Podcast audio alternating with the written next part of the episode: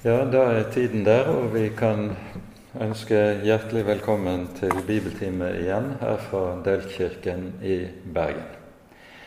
Vi fortsetter i dag gjennomgangen av Kolosserbrevet, og det er andre halvdel av det tredje kapitlet vi i dag skal ta for oss. En halvdel der vi også finner en av de såkalte hustavlene i Det nye testamentet. Men la oss be sammen før vi leser. Kjære gode Herre, hellige Gud og Far.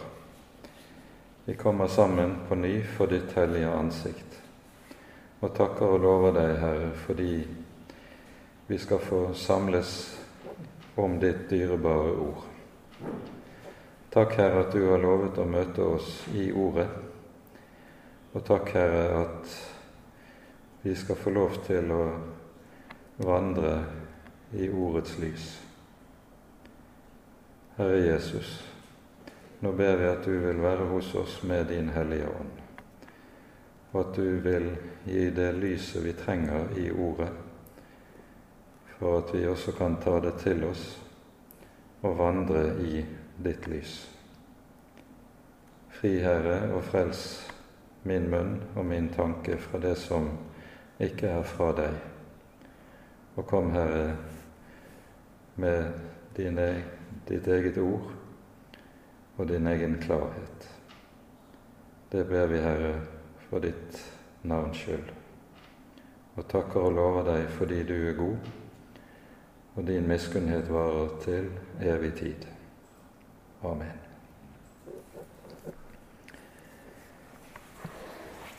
Som uh, vi var inne på sist gang, er det slik at når vi går inn i det tredje kapittelet i Kolossabrevet, så går vi med det inn i det som gjerne kalles for den formanende delen av brevet, der apostelen først og fremst underviser om grunnleggende sider ved det kristne livet. Første delen frem til til og med vers 11 handler det om eh, forskjellen på det gamle liv som de troende har lagt av seg, og det nye som de går inn i. Og så fra vers 12 av tales det så om det nye mennesket som en kristen skal ikle seg. Vi rakk så vidt å se litt på noe av det vi hører fra 12 av eh, sist gang, men eh, vi for sammenhengen sin del så leser vi fra 12 og ut kapittelet. I Faderens, Sønnens og Den hellige ånds navn. Dere er Guds utvalgte, hellige og elskede. Ikle dere da inderlig barmhjertighet, godhet, ydmykhet, beskjedenhet og tålmodighet, så dere tåler hverandre og tilgir hverandre dersom noen skulle ha noe å anklage en annen for. Like som Kristus har tilgitt dere, skal også dere tilgi hverandre. Men over alt dette ikle dere kjærligheten som er fullkommenhetens sambånd. La Kristi fred råde i hjertene deres. Til den ble dere jo kalt i det ene legeme, og vær takknemlige. La Kristi ord bo rikelig iblant dere, så dere lærer og formaner hverandre i all visdom med salmer og lovsanger og åndelige viser, og synger med takknemlighet i deres hjerter for Gud. Og alt dere gjør, i ord eller gjerning, gjør det alt i Herren Jesu navn, med takk til Gud Fader ved Ham. Dere hustruer, underordne dere under deres egne menn, som det sømmer seg i Herren. Dere menn, elsk deres koner og vær ikke bitre mot dem. Dere barn, vær lydige mot deres foreldre i alle ting, for det er til behag for Herren. Dere fedre, gjør ikke barna deres bitre, slik at de mister motet. Dere tjenere, vær lydige mot deres jordiske herrer i alle ting ikke med øyentjeneste for å gjøre mennesker til lags, men av et oppriktig hjerte, i ærefrykt for Herren. Det dere gjør, gjør det av hjertet, som for Herren, og ikke for mennesker. For dere vet at dere skal få arven til vederlag av Herren. Tjen Herren Kristus. For den som gjør urett, skal få igjen for den urett han gjorde, og det blir ikke gjort forskjell på folk. Dere herrer, gjør det som rett og rimelig er mot deres tjenere, for dere vet at også dere har en Herre i himmelen. Amen. Det er så langt vi går frem i brevet i dag. Vers 12 begynner altså med ordene 'ikle dere'. Dette er, viser tilbake til det vi hører i det tiende verset, der det første taler om i det foregående vers dere har avkledd dere det gamle mennesket og ikledd dere det nye mennesket. Så kommer det i vers 12.: Ikle dere da inderlig barmhjertighet.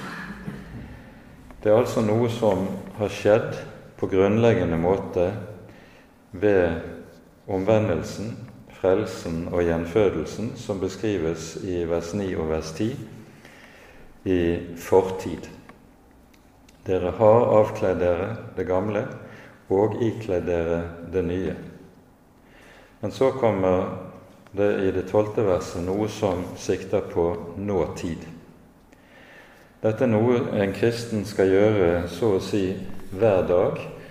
Akkurat som når du står opp om morgenen, så kler du på deg.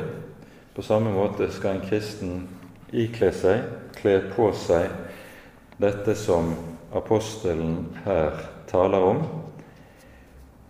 med tanke på at dette er noe som skal gjelde daglig i et kristent menneskes liv. Bogjerts bemerker i forhold til det vi hører i det tolvte og det trettende verset, at dette som en kristen skal ikle seg, nemlig inderlig barmhjertighet, godhet, ydmykhet, beskjedenhet og tålmodighet, dette er ord som er temmelig uvanlige i det greske språket i Paulus samtid.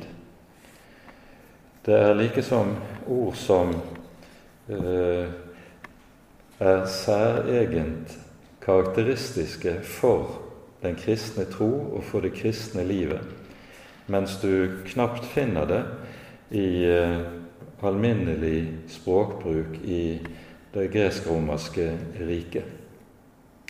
På samme måte er jo flere av disse ordene også slike som i dag lyder gammelmodige og utdaterte. Ydmykhet, beskjedenhet, langmodighet, som det sto i den gamle bibeloversettelsen, det er ord som nærmest er gått ut av språket. De anvendes ikke i, som en del av de fleste menneskers ordforråd eller vokabular. Dette er ikke bare fordi språket gradvis moderniseres, men det peker på en endring i eh, mentalitet som har sin grunn i sekulariseringen som foregår i samfunnet. Der disse kristne dyder, hvis vi kan bruke et slikt uttrykk, det er noe som ikke lenger regnes for noe særlig, i det moderne, sekulære menneskets liv. Det er helt andre ting. Det moderne mennesket synes å legge vekt på. Og på den måten så gjenspeiler språket også en utvikling, åndelig utvikling, som har foregått i samfunnet i det mennesket mer og mer har kommet på avstand fra det som er innholdet i det kristne budskap. Når vi så kommer til det 13. verset, så slutter det med like som Kristus har tilgitt dere, skal også dere tilgi hverandre. Og så kommer vers 14 over alt dette. Ikle dere kjærligheten, som er fullkommenhetens sambånd. Ordet 'likesom', som vi hører i vers 13, er overmåte betydningsfullt. Og det peker på at kilden til det kristne menneskets kjærlighet, den ligger i Jesu kjærlighet til oss. Slik Han har tilgitt oss, skal vi tilgi hverandre. Slik Han har elsket oss, skal vi elske hverandre. En kristen skal gjenspeile det sinn og den godhet han har møtt hos Herren Jesus. Det sinn Jesus har møtt meg med, skal en kristen møte sin neste med. Og Dette er grunnleggende i hele Det nye testamentets måte å tenke om det kristne livet. Og Derfor er dette like som, som eh, Paulus anvender i vers 13, så viktig. Like som Kristus, så dere. Og Det er dette apostelen Johannes også taler om når han i eh, sitt første brev taler om at eh, vi elsker fordi Han elsket oss først. Og når Jesus gir, slik vi hører det i Johannesevangeliets 13. kapittel, så gir Jesus det nye bud og sier også der 'likesom'. Like som jeg har elsket dere, skal dere elske hverandre. Man kan undre seg over at Jesus sier 'et nytt bud gir jeg dere' i denne sammenheng. For har ikke Jesus talt meget om nestekjærlighet og nestekjærlighetsbudet tidligere? Ja, det er jo til og med slik at i Tredje Mosebok, i det 19. kapittel, der sies det uttrykkelig 'du skal elske din neste som deg selv'. Dette er et bud som allerede er gitt i Det gamle testamentet. Og Jesus underviser videre i tråd med dette og utfolder dette videre. Men i Johannes 13 sier han altså likesom. Og Med det peker han på det som er det nye med den kristne kjærlighetstanken. Den har sin kilde i Jesus selv og i Jesu egen kjærlighet til oss. Og Derfor blir det noe nytt med dette budet, slik som Jesus sier det. Her i vers 14 så skriver Paulus over alt dette Ikle dere kjærligheten, som er fullkommenhetens sambånd. Det er et ganske særegent uttrykk som eh, Paulus anvender her. For det første er det slik at når han sier 'over alt dette', så sikter det til at den kjærlighet som apostelen tenker på, det er den som så å si sammenfatter alt det som tidligere har vært sagt i eh, kapittelet om det kristne livet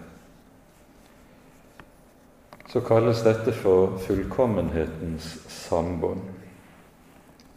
Her er det viktig å være oppmerksom på eh, noe som Det nye testamentet understreker for oss. Vi ser det veldig tydelig i Romerbrevet i det 13. kapitlet. Det er jo nemlig slik som vi kan høre ikke så rent sjelden i våre dager, at ordene om kjærlighet, det spilles ut mot de konkrete bud som vi finner i de ti bud. Det nye testamentet tenker overhodet ikke slik. Tvert om leser vi i Romerbrevet i det 13. kapittel slik, fra vers 8. Bli ingen noe skyldig, annet enn det å elske hverandre. For den som elsker sin neste, har oppfylt loven. For disse bud du skal ikke bryte ekteskapet, du skal ikke slå i hjel, du skal ikke stjele, du skal ikke begjære, og hvilket som helst annet bud, de sammenfattes i dette ord du skal elske de neste som deg selv. Kjærligheten gjør ikke nesten noe ondt. Derfor er kjærligheten lovens oppfyllelse. Her ser vi hvordan Paulus konkretiserer de ti bud og sier uttrykkelig at kjærligheten er ikke noe som er imot budene, men tvert om. Budene er bare en konkretisering av hva kjærlighetsbudet innebærer på konkrete livsområder, så som i forholdet mellom foreldre og barn, ektefeller, forholdet til min neste osv. Kjærligheten gjør ikke nesten noe ondt. Og slik er kjærligheten lovens oppfyllelse. I tillegg må vi understreke at enhver form for lydighet mot Guds lov, der denne kjærlighet ikke finnes, den er ifølge Det nye testamentet særdeles lite verd.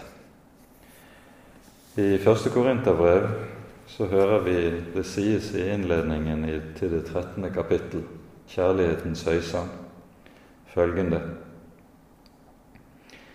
om jeg taler med menneskers og englers tunger, men ikke har kjærlighet, da er jeg en lydende malm eller en klingende bjelle.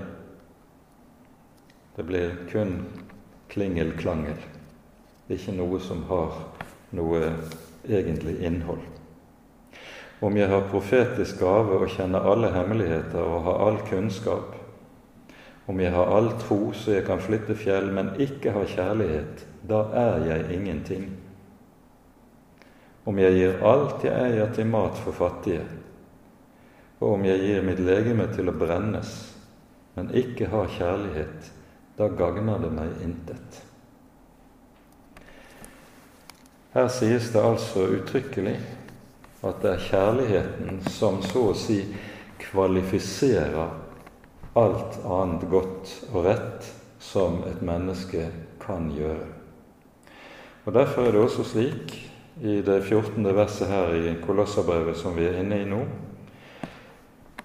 det er at ordet kjærlighet står i bestemt form. Det står ikke 'ikle dere kjærlighet', men det står 'ikle dere kjærligheten'. Det siktes altså til den bestemte kjærlighet som du og jeg mottar, er gjenstand for fra Jesus side. Denne ikler vi oss slik at vi også kan møte vår neste med det samme sinn som Jesus møter oss med. Og dette blir da fullkommenhetens sambånd, det som bring, binder mennesker sammen. Så fortsetter Paulus i det 15. verset. La Kristi fred råde i hjertene deres. Til den blir dere jo kalt i det ene legemet, og vær takknemlige. I Det nye testamentet kalles Gud i en rekke sammenhenger for fredens Gud, noe som ikke er tilfeldig. Og fred det er en av de viktigste fruktene av Kristi lidelse, Kristi frelsesverk. Romerbrevets femte kapittel begynner med disse ordene. Da vi nå er rettferdiggjort av troen, har vi fred med Gud ved vår Herre Jesus Kristus. Og Dette er altså noe som Paulus peker på i tilknytning til hvorledes han i de to foregående kapitlene har undervist om hvorledes en kristen nettopp får del i en fullkommen frelse når han blir rettferdiggjort ved troen på Herren Jesus. Tilsvarende sier Jesus i Johannesevangeliets 14. kapittel Min fred gir jeg dere. Ikke som verden gir, gir jeg dere. Altså, Kristi fred er en annen fred, en annerledes slags fred enn den som kjennetegner denne verden, og som denne verdens mennesker ønsker seg. Og vi må også si, understreke at den fred som det her er tale om, den er Paulus inne på i Filippabrevets fjerde kapittel, når han sier, gir oss dette løftet, vær ikke bekymret for noe men la i alle ting deres begjæringer komme frem for Gud i påkallelse og bønn med takksigelse. Og så kommer det og Guds fred som overgår all forstand, skal bevare deres hjerter og deres tanker i Kristus Jesus. Her er poenget at noe av det som kan berøve et kristent menneske freden, det er bekymring. Vi kan bekymre oss for så mange ting. Og eh, det kan sågar berøve en kristen både for nattesøvnen og meget annet av det som vi trenger. Når Paulus sier som han gjør i Filippabrevets fjerde kapittel, så sier han alle våre bekymringer skal vi få lov til å komme til Herren med. Vi skal få legge det over på ham, og så skal han bekymre seg for oss. Og så skal vi slippe. Og når vi får lov til på denne måten å levere våre bekymringer fra oss, da er det dette kan inntre, som Paulus taler om. Guds fred som overgår all forstand, skal bevare hjerte og tanker i Kristus Jesus. Merk også i tilknytning til dette verset det er ikke tankene som skal bevare freden i Kristus, men det motsatt freden som skal bevare tankene i Kristus. Det Paulus her sier i Kolosserbrevet som vi har for oss, la Kristi fred råde i hjertene deres, så er det her tale om en fred som gjør seg gjeldende også inn i det kristne fellesskapet. Til dette ble dere jo kalt i ett legeme, sier Paulus. Og Med det peker han på dette at den fred vi eier ved troen på Jesus, den skal også råde mellom de troende i menigheten. De skal legge vind på å bevare freden og enheten innbyrdes, slik at enhver form for kiv og stridigheter blir noe som er fremmed i det troende fellesskap.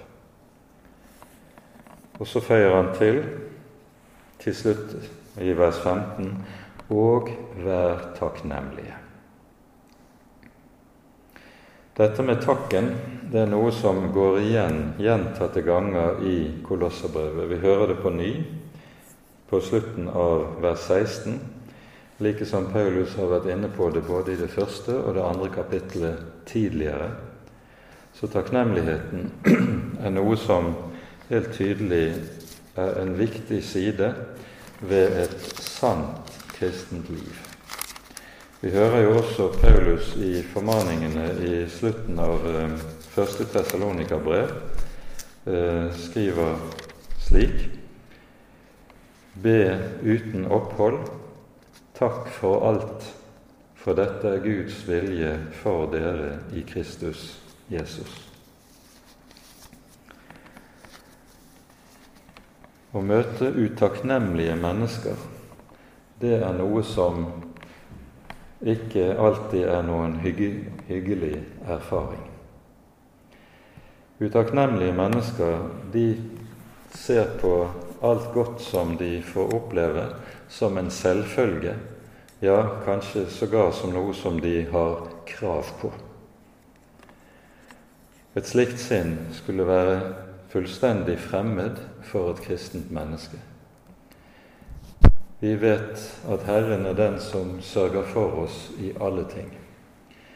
I Herrens bønn ber vi gi oss i dag vårt daglige brød. Og dette sørger Herren for å gi oss. Han gir oss det vi trenger til alle sider av livet.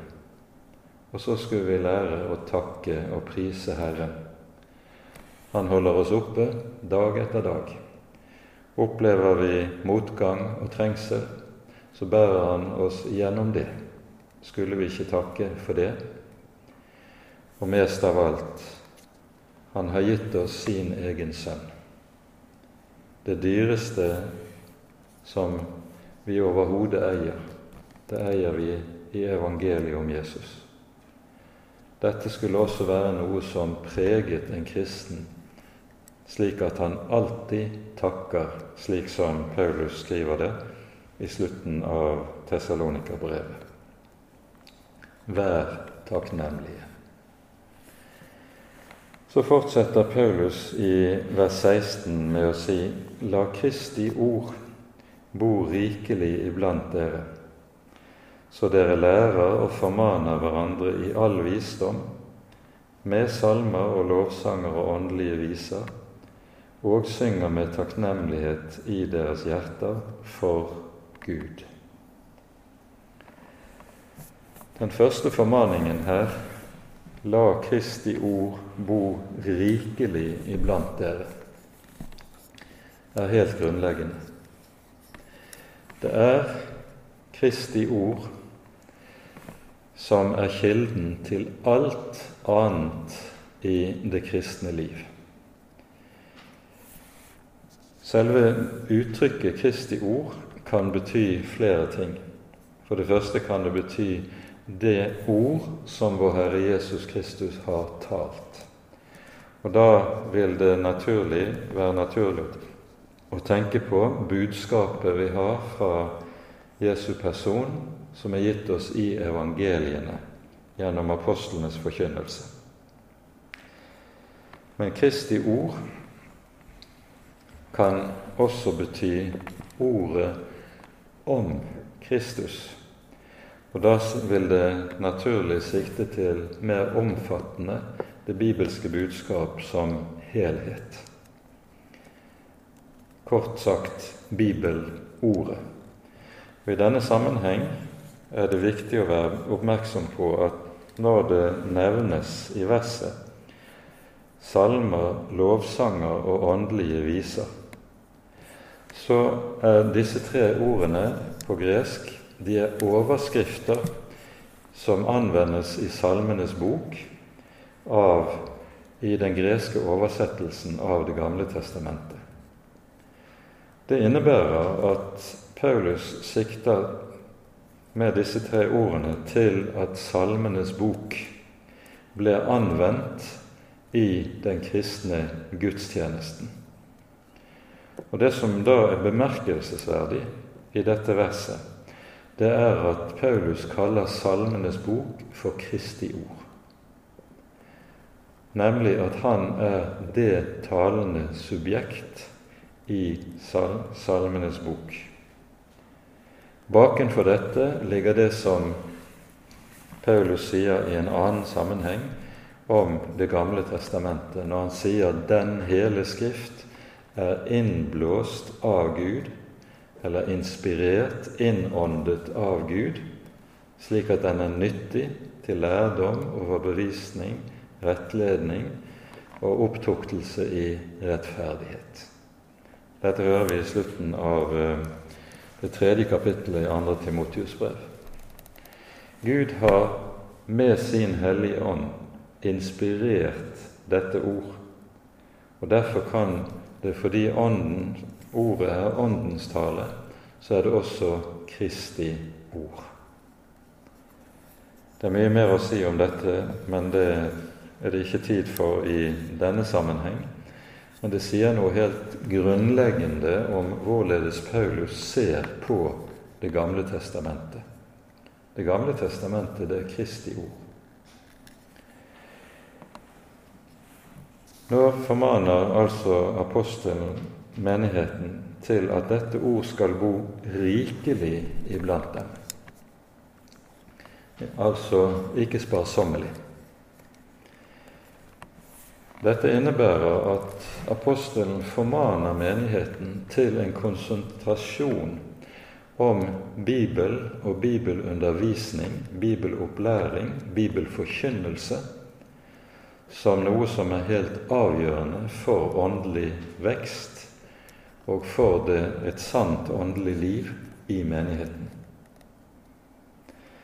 Der det blir sparsommelig og tynt med dette, der vil menigheten uvegerlig komme til å lide under ulike åndelige mangelsykdommer. Og Derfor burde dette være noe som hadde øverste prioritet, ikke bare i et menighetsliv, men for hvert enkelt kristent menneske. Konkret kom dette som vi her er inne på, til uttrykk i den kristne gudstjenesten. I eh, første Timotius brev formaner Paulus Timotius og sier 'legg vind på opplesningen av Skriften'. Legg vind på opplesningen av Skriften. Den første kristne gudstjenesten var en gudstjeneste som var utmyntet etter mønster av synagogens gudstjeneste. Og I synagogens gudstjeneste hadde nettopp skriftlesningen en meget betydelig plass. Dersom det var slik at tekstrekkene som anvendes i synagogen i dag, allerede var eh, gjeldende på Jesu tid, så ville det innebære at hver sabbat så ville det under sabbatsgudstjenesten bli lest tre kapitler i sammenheng fra Mosebøkene, pluss at det ble lest avsnitt fra profetenes skrifter, pluss at bønnene som ble bedt i gudstjenesten, det var alt sammen bønner hentet fra Salmenes bok. Og På den måten så har Den hellige skrift uhyre stor plass i den første kristne gudstjenesten. Gradvis utviklet gudstjenesten seg slik at eh, bl.a. kom Salmenes bok til å få mindre og mindre plass i den kristne gudstjenesten til fordel for eh, nytestamentlige ledd. Og tekstlesningene som etter hvert kom til å få plass, var jo lesning bl.a. fra evangeliene, som gjorde at lesning fra Gamle testamentet gradvis fikk mye mindre plass i den kristne gudstjeneste. Her har det vært en utvikling i kirkehistorien. Men det er viktig å være klar over dette at den kristne gudstjenesten den var en ordets gudstjeneste, der man leste Skriftene i tråd med det Paulus sier 'legg vind på opplesningen av Skriften'. Det ble forkynt med utgangspunkt i tekstlesningene som var eh, brukt den aktuelle dagen, og en ba altså Guds ord ifra Salmenes bok, slik som vi har pekt på. Den første kristne gudstjenesten var en ordets gudstjeneste. Og dette er overmåte viktig å være klar over. Klar over hvor stor plass Skriften i Det gamle testamentet faktisk hadde i den eldste kristne gudstjenesten. Dette ga en allsidighet når det gjaldt kunnskap, den kristne kunnskapen og det kristne troslivet. Når Paulus tar avskjed med de eldste i Efesos, sånn som vi hører det i Efeserbrevets 20, nei, unnskyld, apostelgjerningenes 20. kapittel, så hører vi at han i sin tale sier at han ikke har holdt noe tilbake, men forkynt hele Guds råd for menigheten. Og av denne grunn så er han uskyldig i noens blod, slik som han sier det. Det er ikke noen side av det bibelske budskap som er blitt holdt unna for menigheten. Og Dermed så har menigheten fått alt det den trenger til liv og salighet. Det er dette som er hyrdenes oppgave fortsatt. De skal sørge for at hele Guds råd får lyde for menighetene. Og en del av dette til dette, dette hører altså opplesningen av Skriften i gudstjenesten og å samle menighetene om undervisningen og forkynnelsen av Kristi ord. La Kristi ord bo rikelig iblant dere. Dette er det apostelen peker på her. Nå er grammatikken i dette verset slik at hovedverbet i verset det er bo. Kristi ord skal bo. Hvorledes er det denne boen i forsamlingen tar form? Den tar form ved, i kraft av det vi hører i de neste versene, nemlig lære, formaning og det å synge i hjertene for Gud. De, disse neste versene som anvendes i verset, de konkretiserer hva det at Kristi ord skal bo rikelig i menigheten, eh, innebærer. De skal lære å formane hverandre, sies det, i all visdom Ehm, og her pekes det altså på noe som alle de troende gjør. Ikke bare menighetens hyrder og lærere, men dette er noe som de troende skal hjelpe hverandre med. Ordet 'lære' det betyr rett og slett å undervise. Ordet som her er oversatt med 'å formane', det er et ord som bokstavelig betyr å legge på sinne. De skal legge hverandre på sinne, det som apostelen peker på i denne sammenheng. Og Dette må skje i all visdom. Og visdommen er jo noe som apostelen har undervist mye om tidligere i brevet, der den kristne visdommen er noe som skiller seg fra det som gir seg ut for å være visdom, og som han altså fant hos gnostikerne og i disse vranglærende sektene. De kalte det visdom, men det var noe helt annet. Den kristne visdom den har dette med seg at den bruker Guds ord i Det gamle testamentet, slik som apostelen peker på her. Så skal det altså skje i all visdom med salmer, lovsanger og åndelige viser. Og så føyes det til noe uhyre viktig med tanke på den kristne gudstjenesten. Så dere synger med takknemlighet i deres hjerter for Gud.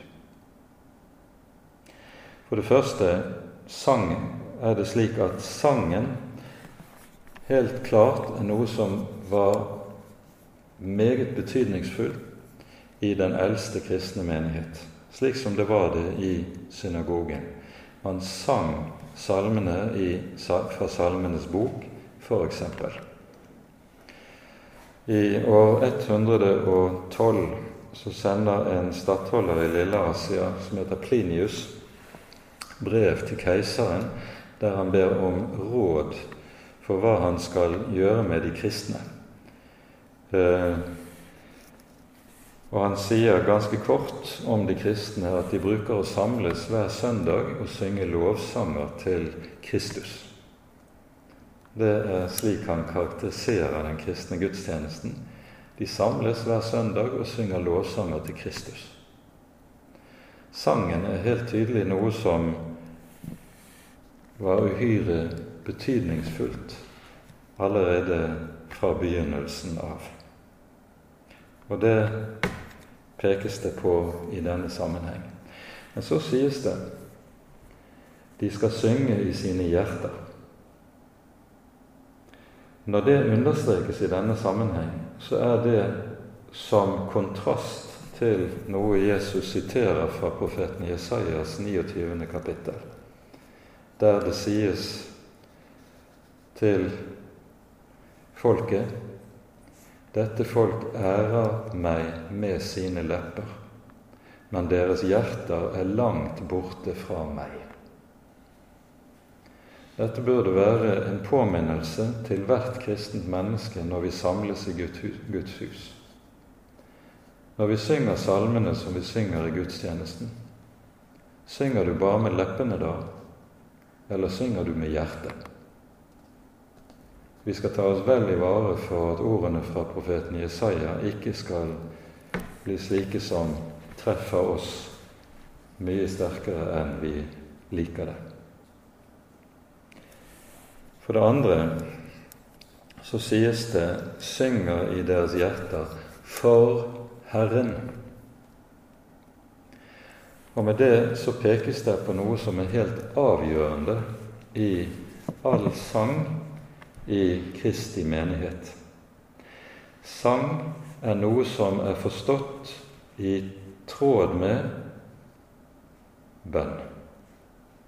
Akkurat som når du ber, så ber du for Guds ansikt til Gud, så er sangen også noe som er for Guds ansikt og rettet til Gud. Syng for Herren. Det er noe du hører om igjen og om igjen i Salmenes bok. Syng for Herren, all jorden. Det ulykkelige i våre dager dette er noe som er kommet inn i kristenheten, særlig siste, i løpet av de siste 150, kanskje 200 år, er at sangen er noe som blir for mennesker. Man synger for mennesker, og så blir sangen opptreden. Og I tråd med dette så ser du den utviklingen som er kommet i veldig mange sammenhenger. At du får sanggrupper eller kor eller solister som opptrer for menigheten, og så applauderer man etterpå. Applausen er nettopp en bekreftelse på at her synger man for mennesker ikke for Gud. Og her har man endret den kristne sangen på en avgjørende måte som, så langt jeg kan begripe, er uhyre skadelig for Guds folk og for Guds menighet. For Det betyr at sang og musikk det styres mer og mer ut fra hensynet til hva mennesker synes og liker fordi man synger for mennesker. Man synger ikke for Gud. Og så får du den utvikling som vi har sett skje i kristenheten, som uh, har innebåret at i altfor mange sammenhenger så er alteret i Guds hus blitt erstattet av en scene. Scenen egner seg for opptreden, Alteret er for tilbedelsen. Poenget med at sangen er for Gud, det er at Den hellige Skrift ser på sangen som en del av den kristne menighets offertjeneste for Herren. Dette sies i um, Hebreabrevet i det 13. kapittel veldig tydelig. Vi leser her Hebreerne 13, La oss derfor ved ham, altså ved Jesus Kristus, alltid frembære lovprisningsoffer til Gud. Det er frukt av lepper som priser Hans navn. Glem ikke å gjøre godt og dele med andre, for slike offer er til behag for Gud. Her sies det altså at det å gjøre godt for sin neste det er også et offer. Men lovsangen i menigheten, det er et offer for Herren. Offeret, det er noe som foregår på et alter. Det skjer for Guds ansikt og til Guds ære. Og når eh, Hebreabrevets forfatter uttrykker seg på denne måten, så er det som ligger bak tanken om det allmenne prestedømmet, som man gjerne kaller det i dag. I 2. Peters brev sies det jo dere er et kongerike av prester, med henvisning til 2. Moseboks 19. kapittel. Guds folk er et kongerike av prester. Og hva var prestens tjeneste i helligdommen, i tempelet?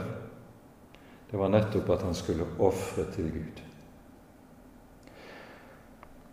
Og så kalles altså den kristne sang for et offer til Gud. Og slik er sangen og bønnen noe som prinsipielt skal ses på som noe som hører til samme kategori. Guds menighet synger for Herren, ikke for mennesker. Det er en avgjørende sannhet for å tenke rett om bruken av kristen sang og musikk i Guds folk. Men her er dessverre saken den at i dagens kristenhet er kommet meget langt bort fra denne måten å tenke på som du finner i vår bibel. Så da er det altså tale om å synge for Herren. Å synge i hjertet og ikke bare med leppene. Og bruk, synge med salmer, lovsanger og åndelige viser. Det vil si, vi skal få lov til å bruke Salmenes bok som vår egen personlige bønn, som vår egen personlige lovsang, som det som så å si er det styrende i det kristne bønneliv og tilbedelsesliv. Jesus sier i samtalen med den samaritanske kvinne disse ordene som vi i denne sammenheng trenger å minne hverandre om. Den time kommer og er nå da de sanne tilbedere skal tilbe Faderen i ånd og sannhet, for det er slike tilbedere Faderen vil ha. Gud er ånd, og de som tilber ham, må tilbe i ånd og i sannhet. Der man bare gjør sånn som profeten Jesaja sier, ærer Gud med leppene og ikke i hjertet, der er tilbedelsen ikke i sannhet. Og der det blir sånn som vi har vært inne på i, her i Kolosserbrevet, at sangen blir for mennesker, ikke for Gud. Da er sangen kjødelig, ikke åndelig. Men Gud vil ha tilbedelse i ånd og sannhet, ikke i kjød og i usannhet. Dette er viktig å være oppmerksom på i møte med mye av det som har utviklet seg i dagens kristenhet for det gir også retning til hvordan vi skal tenke sant og bibelsk om den kristne gudstjeneste, den kristne sang og det kristne bønnelivet. Alt dette hører med i denne sammenheng. Så fortsetter Paulus fra, fra vers 17 av og videre inn i hustavlen som vi finner fra vers 18. Innledningen til hustavlen er det som sies i vers 17. Alt dere gjør, i ord eller gjerning, gjør det alt i Herrens Jesu navn og med takk til Gud Fader ved Ham. På ny, tredje gang i disse tre versene, så dukker ordet om takk og takknemlighet opp. Alt dere gjør, det er med andre ord noe som tar sikte på det kristne liv som helhet. Alt dere gjør på alle områder i livet, gjør det i Jesu navn og med takk til Faderen ved ham. Når det sies takk ved Jesus Kristus, så henger det uløselig sammen med det som er særegent for kristen bønn og som Jesus lærer oss i Johannes evangeliet. Kristen bønn er bønn i Jesu navn. Og Derfor er også den kristne takknemlighet takk i Jesu navn. Disse to tingene hører uløselig sammen. Hva vil det si at bønn er bønn i Jesu navn? Det sikter til dette at bønn er det, er det motsatte av å be i sitt eget navn. Bønnen i Jesu navn, det er svaret på spørsmålet hvilken grunn skulle Gud ha til å høre min bønn? Ser han på mitt liv, så ser han meget av synd og ulydighet. Meget av slikt som overhodet ikke er i overensstemmelse med Guds vilje. Og Dersom Gud skulle svare meg på bønn ut fra hvordan jeg er i meg selv, så kan Gud ha med all god grunn si Hvorfor skulle jeg høre, din, høre bønn fra deg, sånn som du er, så ulydig som du er?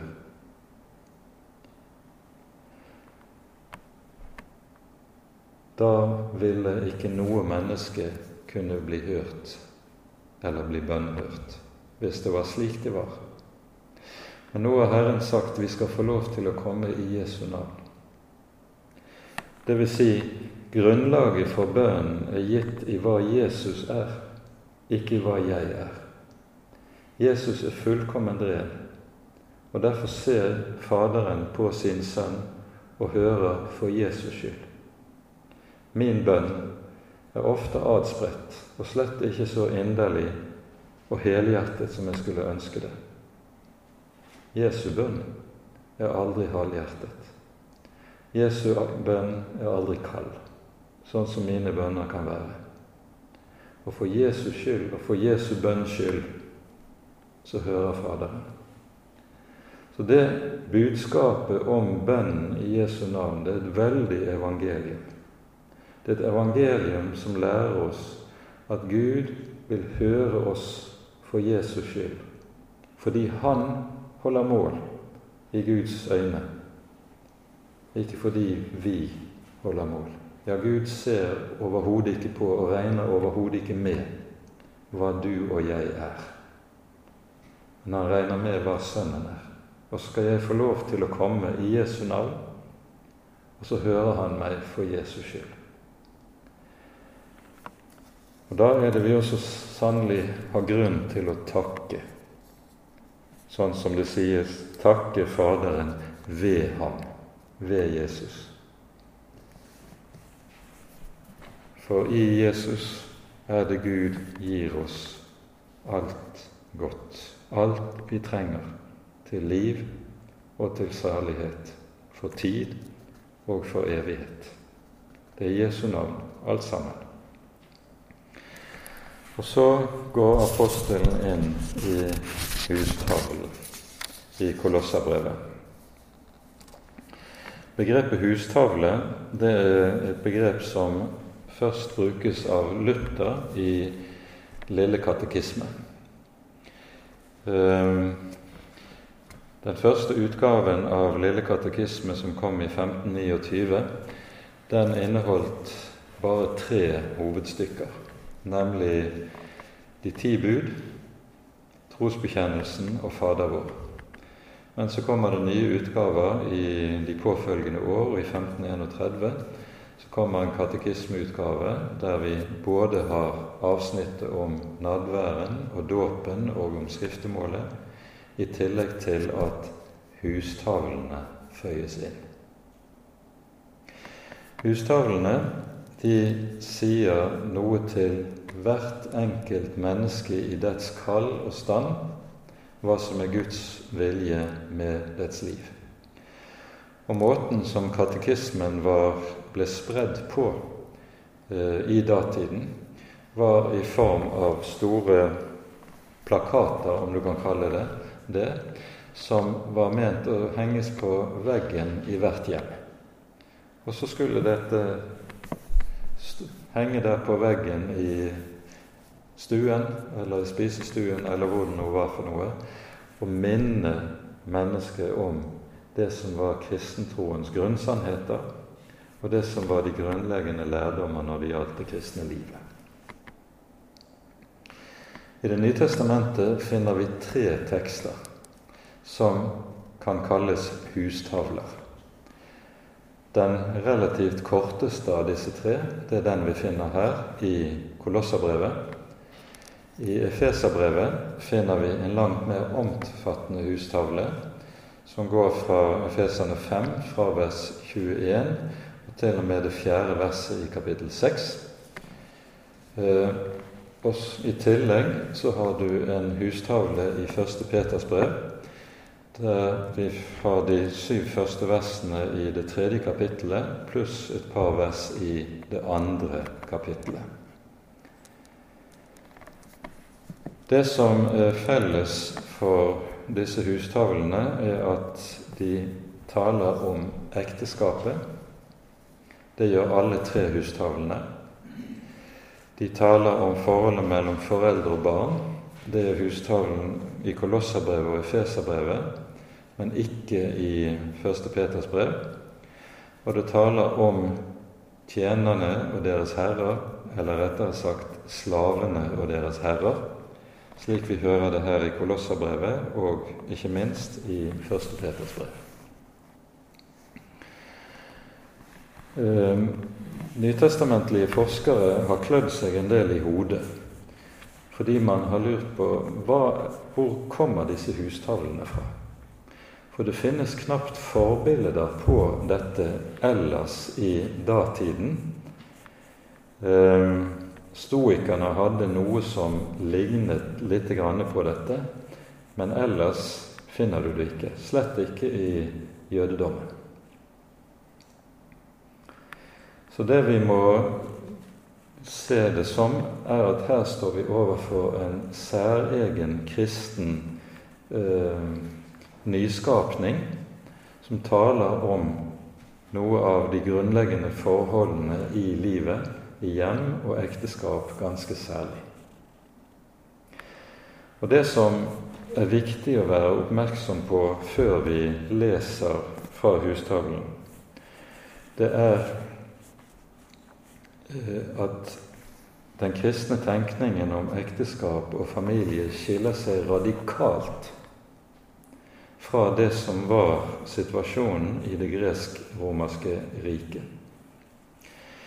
I romerretten, som hadde eh, man noe som man kalte For å sitere det riktig her patria potestas.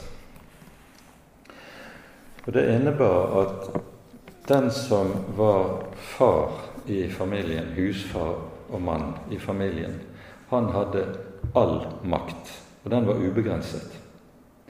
Tjenerne var husfarens eiendom, akkurat som en hvilken som helst ting.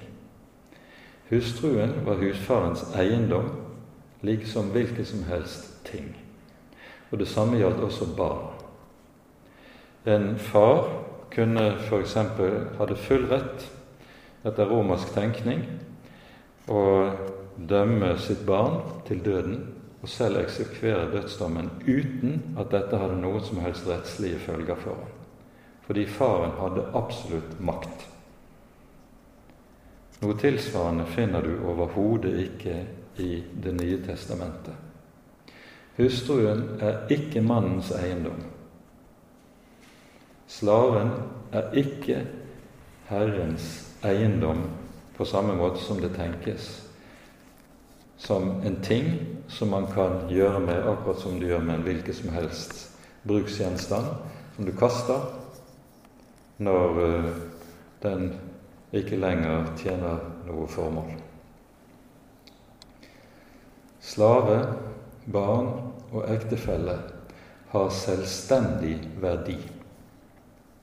Og Slik sett så skiller det som sies i hustavlene, seg radikalt fra det du ellers hører i den gresk-romerske virkelighet. Både den gresk-romerske kulturen og den jødiske kulturen på denne tiden var det vi kaller patriarkalske. Det var nok en ikke ubetydelig forskjell mellom jøder og hedninger på dette området, men likevel eh, husets mann var allmektig, også innenfor jødedommen. Eh, og her er det vi ser andre forhold gjøre seg gjeldende hos de kristne. Vi rekker ikke å gå inn i denne teksten i detalj, og det bør vi ha tid til. Så vi får gjemme dette til neste gang. Men vi peker på én sak før vi slutter av.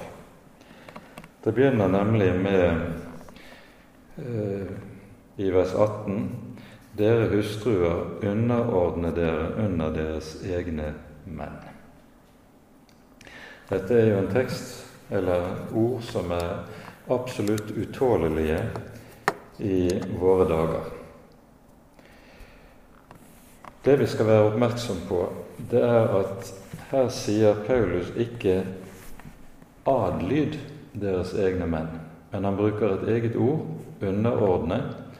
Det greske ordet er 'hypotasso', og det henger sammen med et, vær, et ord som heter 'taksis' på gresk og betyr orden. Og når det brukes taksis eller begrepet orden i denne sammenheng, så tenkes det på at Gud, når han skaper mennesket, så skaper han mennesket slik at det er en gitt orden i skaperverket. En orden som har med forholdet mellom mann og kvinne å gjøre. En orden som har med ekteskap å gjøre. En orden som har med hvorledes samlivet imellom oss mennesker, ikke minst i familien, skal reguleres og fungere. Og denne guddommelige orden, den har ingenting med undertrykkelse å gjøre. Og dette er uhyre viktig å være klar over.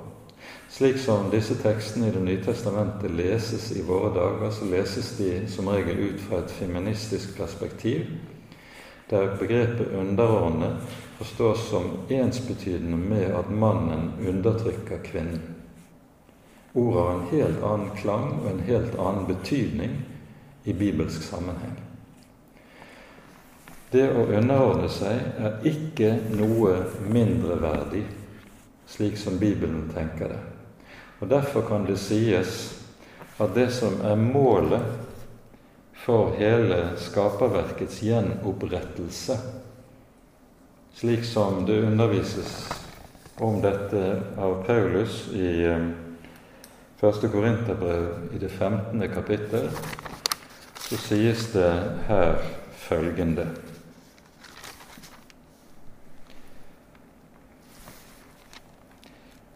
Paulus taler om uh, verdens fullendelse fra vers 24 i 1. Eh, Korinterbrev kapittel 15 og skriver Deretter kommer enden, når Han, altså Kristus, overgir riket til Gud og Faderen etter at han har tilintetgjort all makt og myndighet og velde. For han skal herske som konge til han får lagt alle sine fiender under sine føtter. Her henvises det det som ligger bak, det er bl.a. Salme 110. Den siste fiende som blir tilintetgjort, er døden. For alt har Han, altså Faderen, lagt under Hans, Sønnens, føtter. Og når han sier at alt er underlagt ham, da er det klart at han som la alt under ham eh, Men når han sier at alt er underlagt ham, da er det klart at han som la alt under ham, er unntatt. Men når alt er underlagt ham, da skal også Sønnen selv underlegge seg ham som la alt under ham, for at Gud skal være alt i alle. Og Da er den fullkomne harmoni gjenopprettet i skaperverket, den som Gud siktet frem imot like fra begynnelsen av. Og at Sønnen underlegger seg, underordner seg, for her brukes nettopp dette verbet, underordner seg Faderen. Det er nettopp det som gjenreiser den evige harmonien i fullkommenheten. Og Sønnen er ikke undertrykt av Faderen. Sønnen er ikke mindreverdig enn Faderen. Men det er et ordnet forhold mellom Faderen og Sønnen, som altså kommer til uttrykk på denne måten. Og så er det at forholdet mellom mann og hustru skal være et bilde av denne harmoniske orden som er i guddommen, og som Gud har innstiftet i skaperverket, og som beskrives ved hjelp av disse tekstene som vi finner i Det nye testamentets hustavler. Og som altså i våre dager leses helt galt fordi man ikke forstår den bibelske tankegangen som ligger til bunn. Det forstås som undertrykkelsestekster, men det er noe helt annet. Vi rekker altså ikke å gå nærmere inn på dette i dag. Det må bli neste bibeltime om to uker. Så med det setter vi punktum for kveldens bibeltime. Ære være Faderen og Sønnen og Den hellige ånd, som var og er og være skal en sann Gud, høylovet i evighet. Amen.